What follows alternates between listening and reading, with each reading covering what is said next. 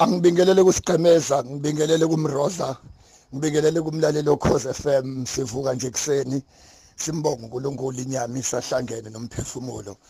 Ngesinye isikhathi akunandaba ukuthi ulahlekelwe yini yini ekwehlele iziphi izinto oyiluzile empilweni. Kodwa into enendaba ukuthi wena ukalahlekelwe nomphefumulo.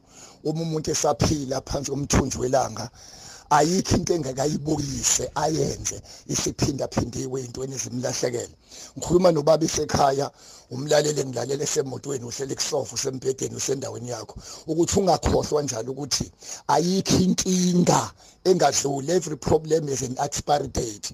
Noma ungene ehlazweni elinjani abantu bakibe kunekile wabona babukisa ngami bakuneka bamba lokho ayikho iwashing engoma. Mlaleli ukhoze FM namhlanje kuseni ngithanda ukukhuluma ngezinto ezibucayi engicabanga ukuthi bengingazinakile wonke umuntu ophilayo emhlabeni sikhuluma ngopresident sikhuluma ngenkosi sikhuluma ngodokotela sikhuluma ngothisha sikhuluma ngomfowethu eyisecurity egadile sikhuluma ngephoyisa sikhuluma ngumfana osungambiza ngephara engaphansi kwebridge sikhuluma ngomuntu ohluphekile semjondolo sikhuluma ngawo wonke umuntu. Wonke umuntu uNkulunkulu amdalile phansi komthunzi welanga ukudalela uNkulunkulu ukuthi uphumelela. uNkulunkulu uyinikele it's more committed empumelelweni yakho ukudlula wena. Kodwa nazi izinto ezimbili engadala umuntu angaphumeleli phansi komthunzi welanga. Ngicela udonseke umoya right now. uNkulunkulu unama plans amahle ngawe. Not to harm you not to destroy you. uNkulunkulu unama plans okuphumelela ususurvivile kwiCovid wasurvive kwicancer wasurvive kwiHIV and AIDS. Wena usuphile ezintweni eziningi ezihlanga oke wahlangabezana nazo empilweni. Kodwa mawungagada lezi zinto ezimbili ke uNkulunkulu ngisho ngathi unenhlanhla emhlabeni wahlonipha abazali bakho. Kwanesibusiso esiphezulu kwakho. Noma thiwa uhambile waye enkonzweni uqobo likaNkulunkulu nomoya kaJehova wabasempilweni yakho kodwa nazi izinto ezimbili ekufanele kuyicaphele ongathi mawungayinakanga ziyokubuyisela emuva uguge endleleni njengethayile moto number 1 bheka umuntu othandana naye nomuntu oshada naye. Number 2 bheka abantu ohamba nabo endleleni. Angiphinde again izinto ezibuyisela abantu emuva phansi komthunzi welanga yilezi. Umuntu othandana naye nomuntu oshada naye.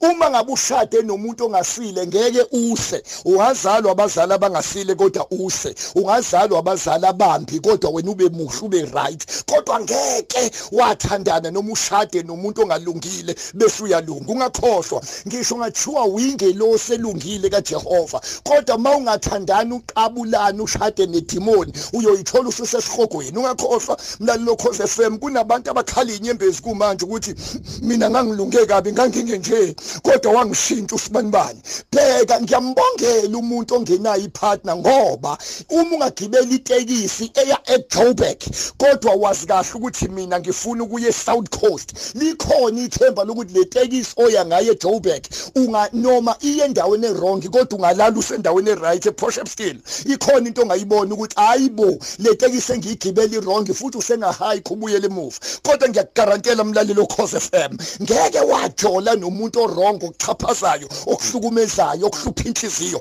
Ngeke washada nomuntu orong bese uyithola usufika la uyakhona umthandazo kasathane uthi usuhloniphe waqeda wafunda waqeda wayiphatha kahle waqeda wakholwa waqeda wanesimilo waqeda. Uyokulinda phambili usathana athi message asisakwazi kumthinta kodwa asimbhansele ngokuthi ashade asimbhansele ngokuthi akathandane nomuntu orong bazongitshela abalaleli bokhozi besekhaya. Ngenxa isikhathi ke anginaso isikhathi esiningi enginaso kodwa besingakhuluma ngezinto eziwu4 eziyimeja zokuthi mawusuyibona usebudlelwaneni obonayo ukuthi inhliziyo yami iyafa la ngiyachaphazeka la ngiyashayeka la. Mlalelo khoze FM musukuloku ubekezelela into engekho musukuloke ubekezela sengathi kunomuntu owayikhombe ngesibhamu mhla ungena kulento ongena kuyona. Siphila once sila emhlabeni phansi komthunzi welanga. Mangathi wahlala ku two plate oshisayo bovu iplate la two plate uhleli ku two plate esitofu ngeke lokubusana nathi ukuthi ngenze njani ngoba